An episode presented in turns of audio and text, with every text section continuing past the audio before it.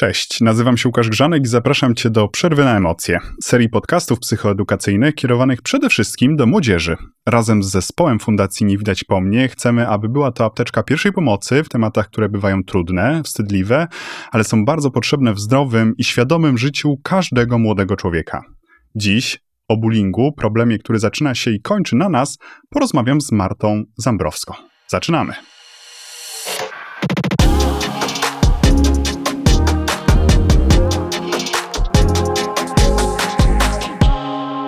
Cześć Marta. Cześć Łukasz. Powiedz mi proszę, e, jaki masz background w tematyce bullyingu? Skąd u ciebie zainteresowanie tematyką? Ja jestem psycholożką, e, jestem terapeutką wczesnego wspomagania e, rozwoju oraz e, trenerką umiejętności społecznych.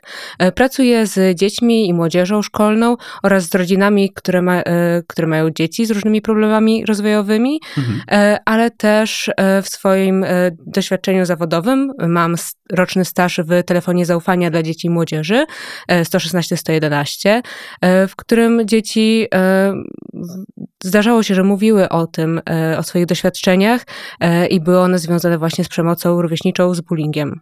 No właśnie, dzisiaj będziemy rozmawiali o tej przemocy rówieśniczej. E, co sprawia, że ten temat jest Ci tak bardzo bliski?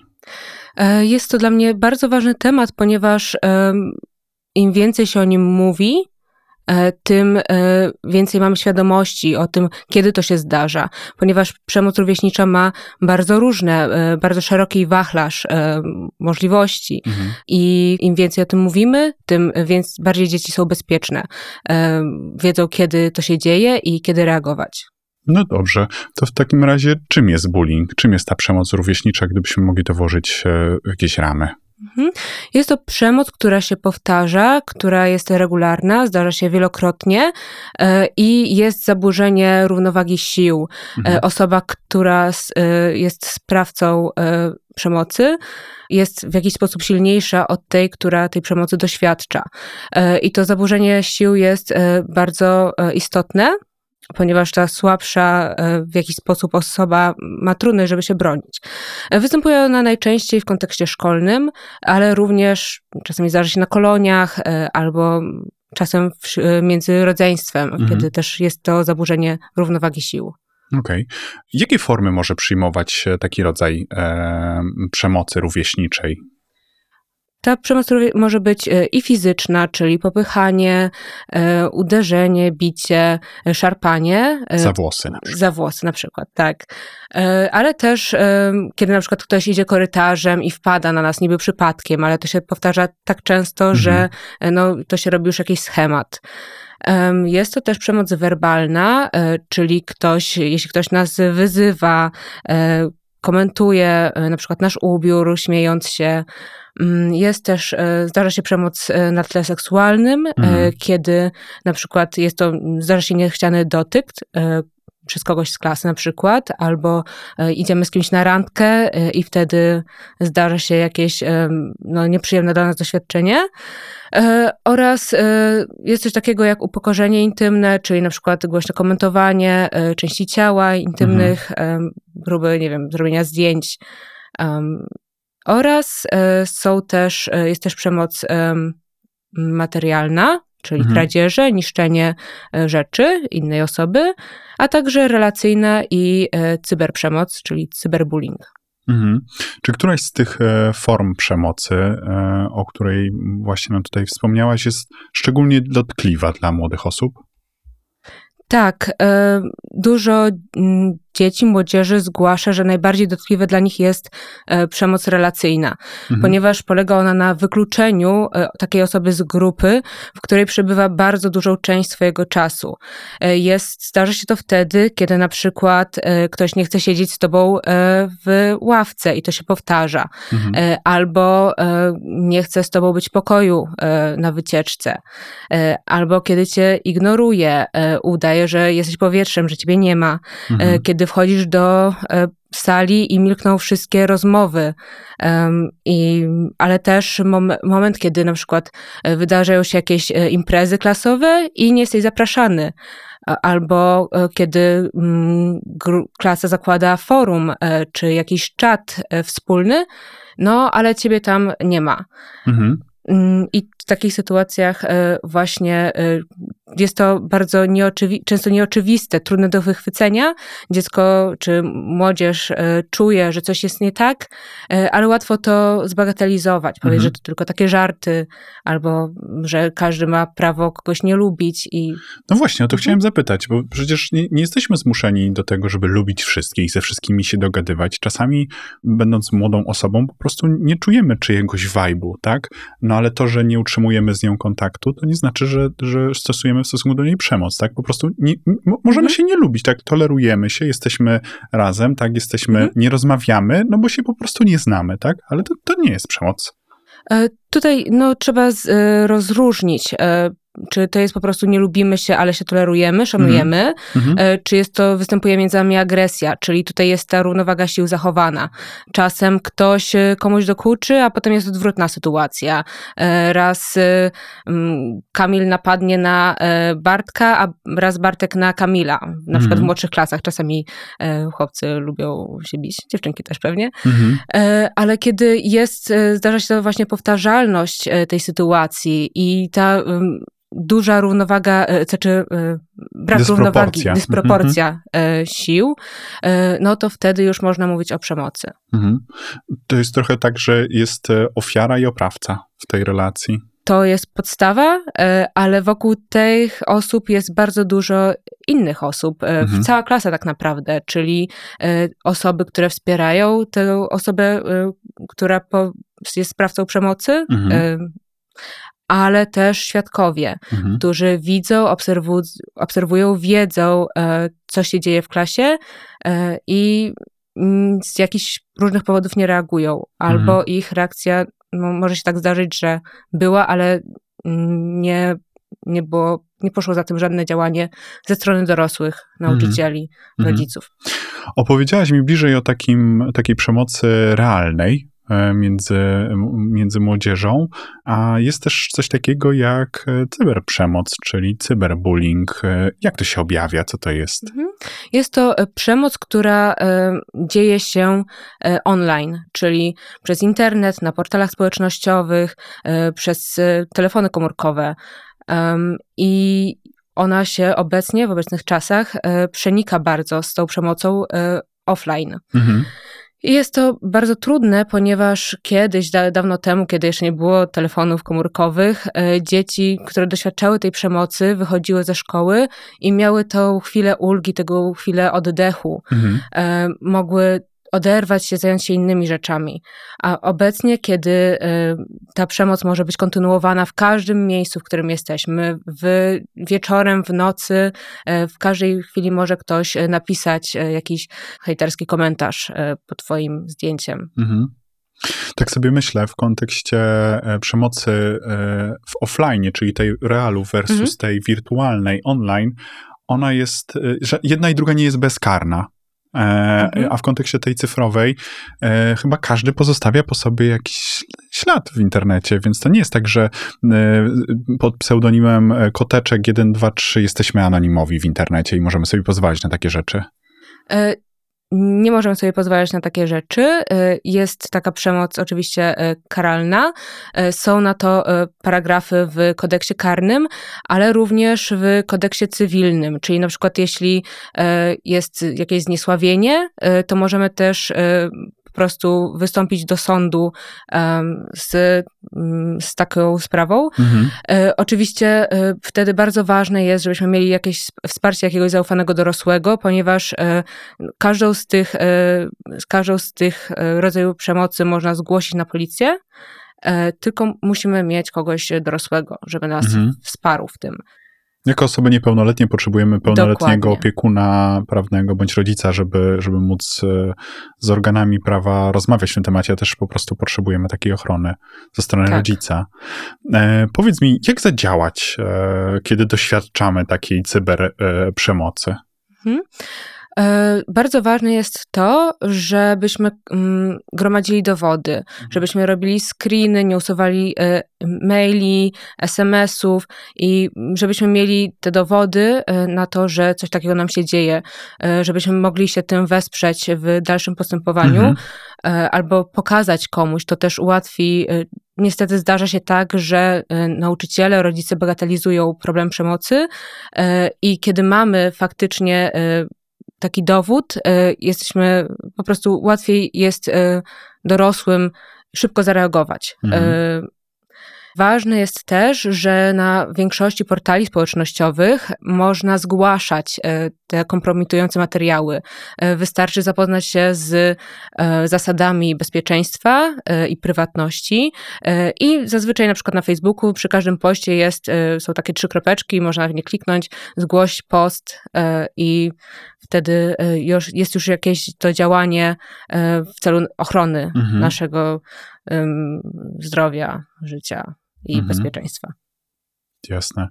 No warto, warto, kiedy doświadcza się takiej cyberprzemocy, nie, nie uciekać, nie unikać, robić print screeny, archiwizować, mhm. porozmawiać ze sobą dorosłą w tym temacie. E, no też e, e, mając takie dowody, to, to łatwiej po prostu udowodnić komuś takie, takie działania, a niestety w ogóle w, w dobie social mediów to się dzieje bardzo szybko taka informacja, jak się pojawi, bądź jakaś nieprzychylna, to ona bardzo szybko się rozchodzi. Czasami też ludzie reflektują się po czasie i usuwają, więc warto, jak już to widzimy, to warto zrobić print screena, żeby to zachować ewentualnie na przyszłość. Tak, e, i jest ważne też, że jak jesteśmy świadkiem takiej przemocy, widzimy, że ktoś, coś, jakiś materiał e, negatywny, kompromitujący jest e, opublikowany, bardzo ważne jest, żebyśmy nie lajkowali tego, nie udostępniali mhm. dalej, ponieważ w kontekście cyberbullyingu w ten sposób stajemy się sprawcą przemocy, nie tylko świadkiem. Okej, okay, czyli bijemy, dajemy zasięgi, tak? tak? Wtórujemy oprawcy, że, tak. że dobrze robi. Bardzo, bardzo ważna, bardzo cenna uwaga. I właśnie to jest to, co jest najbardziej niebezpieczne w cyberbullyingu, że e, ta łatwość e, przesyłania dalej tego e, materiału, że kopiowania tego, zwielokrotniania, bardzo trudno jest usunąć te materiały. Dlatego też, jeśli widzimy, że ktoś e, w ramach żartu nawet chce coś e, nieprzyjemnego napisać albo wrzucić do internetu, e, warto jako świadek tego powiedzieć po prostu: Ej, kolego, może lepiej tego nie rób. Według badań jest to, bardzo często jest to efektywne. Mhm. Powiedzenie, że hej, zastanów się, może tego nie rób, to nie jest takie fajne. I nawet takie powiedzenie komuś już jest takim krokiem, żeby ta przemoc się nie zadziała. Mhm, przywołujące trochę do, do rzeczywistości i tak. oddalające od wykonania. Okay. A propos wykonania, czyli tej przemocy rówieśniczej, która się pojawia, jak wyglądają takie sytuacje? Jest sprawca poszkodowany, jak to się dzieje? Mhm. E, na przykład w klasie e, to jest ta e, brak równowagi sił. Mhm. Czyli na przykład jest ktoś bardziej, bardzo lubiany w klasie, ktoś bardzo charyzmatyczny, ktoś, kto na przykład ma no, nadal się zdarza tak, że ktoś ma lepsze rzeczy, droższe rzeczy, firmowe rzeczy. I jeśli ma posłuch w klasie, jest jedyną taką osobą, to wtedy się tworzy hierarchia.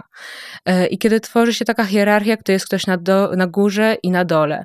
I bardzo ważne jest to, e, że kiedy zdarza się taki, taka przemoc e, nam, to nie znaczy, że to się zdarza dlatego, że my jesteśmy jacyś inni. To po prostu jest kwestia tego, że w tym danym momencie staliśmy się słabsi. Czyli to na przykład, gdyby było tak, że um, przychodzi nowa osoba do klasy, która ma już e, taką hierarchię e, ustaloną e, i o, nowa osoba zaburza tą hierarchię. I wtedy klasa, ta, która była wcześniej, próbuje wrócić do tego statusu quo, czyli tak jak było, nie chce żadnych zmian. Wtedy osoba nowa może doznać takiej przemocy, mhm. żeby nic się nie zmieniło. Właśnie zazwyczaj e, taka przemoc rówieśnicza ma jakiś kontekst, e, może pełnić jakąś rolę w danej klasie. E, na przykład, jeśli jest to też rola na przykład rozładowania emocji. Jeśli jest na przykład jakiś surowy nauczyciel i trudny przedmiot i klasa ma z tym duże problemy, a jest jedna osoba, która radzi sobie, może stać się tym kujonem, tym pupilkiem nauczyciela mhm. i doświadczyć po prostu przemocy z, ze strony kolegów i koleżanek. Nieprzyjemnych uwag, mhm. przecinań, e, komentarzy, tak? Dokładnie.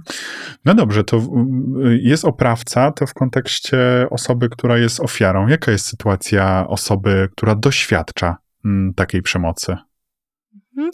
To zazwyczaj jest tak, że e, kiedy osoba, która doświadcza przemocy, zauważa, to może być na przykład najpierw pojedyncze wydarzenie, e, które zaczyna się powtarzać.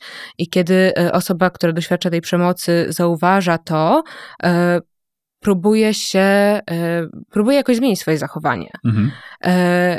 I tak jak mówiłam, to nie chodzi o to, jaki ty jesteś, bo w tej sytuacji, kiedy już znalazłeś się w tym, w tej hierarchii,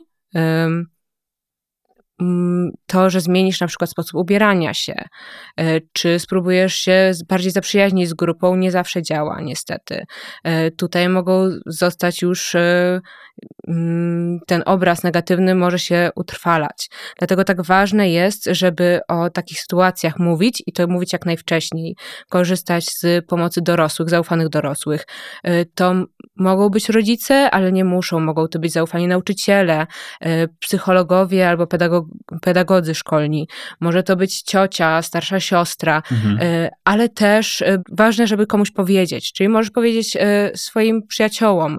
Być może któryś z tych przyjaciół będzie miał rodziców, którzy mogliby się zaangażować, którzy będą otwarci na twoje trudne doświadczenie i będą mogli na przykład zadzwonić do szkoły, bo jest taka możliwość, żeby nawet anonimowo dać taki, taki znać szkole, że coś się dzieje. Mhm.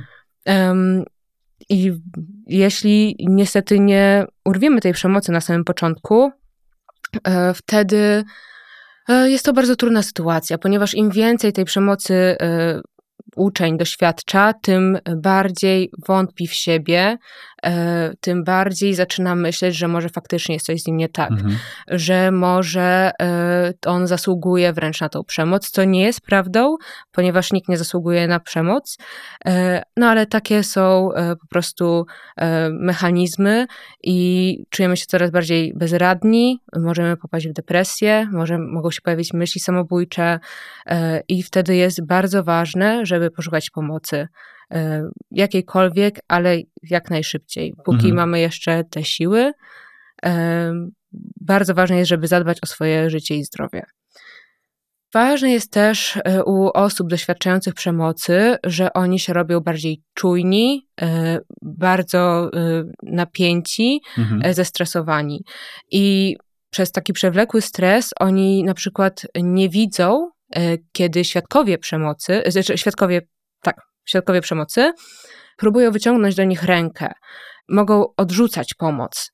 E, I to właśnie do świadków przemocy. Jeśli widzicie kogoś takiego i chcecie e, mu pomóc, ale ktoś mówi: odczep się, nie chcę twojej pomocy, e, może to być dlatego, że ta osoba obawia się, że wy też ich zdradzicie, wy też ich. Jest to jakaś podpucha. Mhm. E, też możecie być częścią gru w grupy tej osób, które sprawiają im ból, krzywdę. Mhm. No to teraz zastanawiam się, mhm. bo część takiej, takiej przemocy rówieśniczej jest widoczna. To widać, słychać, yy, można czu czuć w powietrzu, ale są takie sytuacje, których nie widać. I co powinno wzbudzić nasze, e, nasze podejrzenie, kiedy na przykład e, ktoś w moim otoczeniu doświadcza przemocy, na przykład moje rodzeństwo lub moi przyjaciele, ale nie mówią o tym. E, jak ja mogę im pomóc, jak mogę zareagować? Mhm.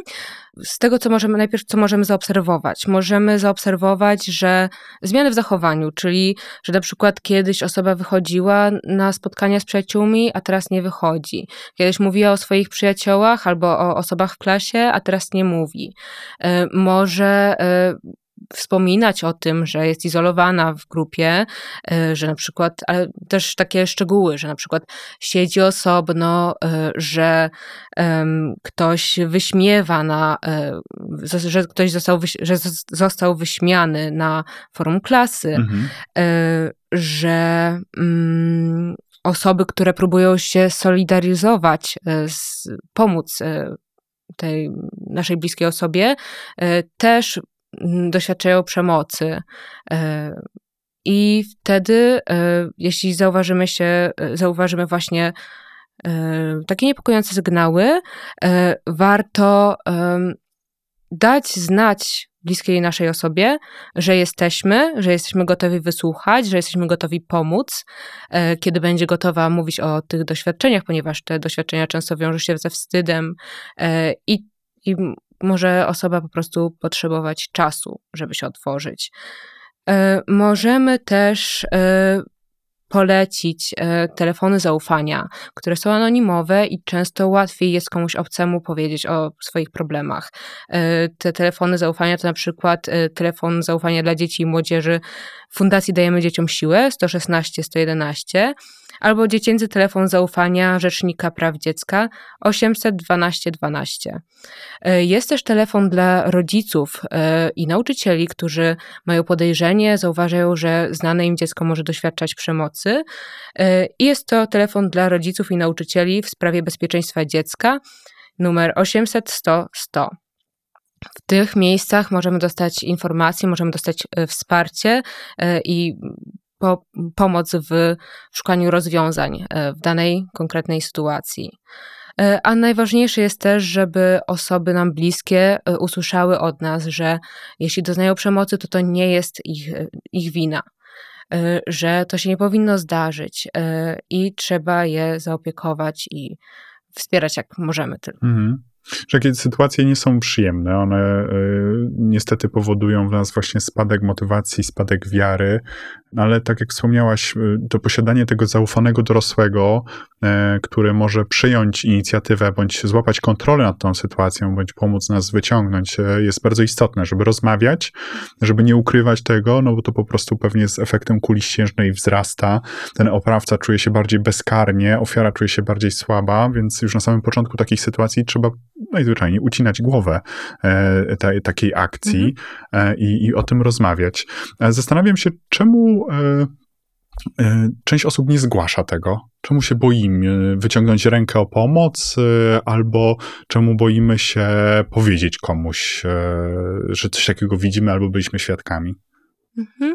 To jeśli chodzi o osoby doświadczające przemocy, mogą się e, bać, e, że ta przemoc się wzmocni i Czasami tak się zdarza, że jeśli zacznie się e, jakaś akcja przeciwko przemocy, próbująca naprawić tą sytuację w klasie, w grupie, to czasami ta przemoc jest wzmocniona, ale psychologowie i pedagodzy, e, którzy y, znają się, mm, mają doświadczenie w prowadzeniu takich spraw, e, bardzo pilnują tego, żeby robić to w sposób delikatny, stopniowy, uważny i przygotowują osobę, która doświadcza przemocy, do tego, e, jak postępować w takiej sytuacji, że może być gorzej, ale wtedy, że później będzie lepiej. Mhm. I to jest bardzo ważne, żeby współpracować e, wtedy z i, i osoba, która doświadcza przemocy i nauczyciele, żeby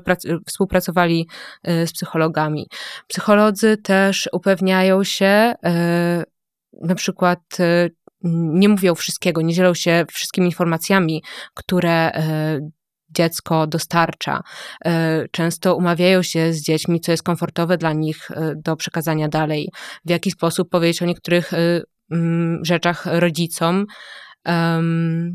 Żeby dziecko w końcu doznało tego, tej ulgi, tego komfortu i żeby nie było dalej zawstydzane, bo to nie są proste sytuacje. Jeśli jesteśmy e, świadkami przemocy, to możemy się bać tego, że przemoc, która jest e, kierowana ku e, tej innej osobie przejdzie na nas. Możemy też, niekoniecznie zdarzają się takie sytuacje, że właśnie niekoniecznie lubimy osobę w, naszym, w naszej grupie, która doświadcza przemocy, no i się trochę dystansujemy. Ale czasami działa też taki e, mechanizm, że jeśli widzimy, że ktoś kogoś nie lubi, e, i jest to ta osoba nielubiąca, e, dokuczająca jest osobą charyzmatyczną, to przyjmujemy trochę tak bezmyślnie tą perspektywę, że ta osoba, która, która jest krzywdzona, w jakiś sposób to sobie zasłużyła. Czasami sprawcy, świadkowie też nie wiedzą, w jaki sposób pomóc, mm, albo próbują i E, jest to bagatelizowane, zderzają się ze ścianą.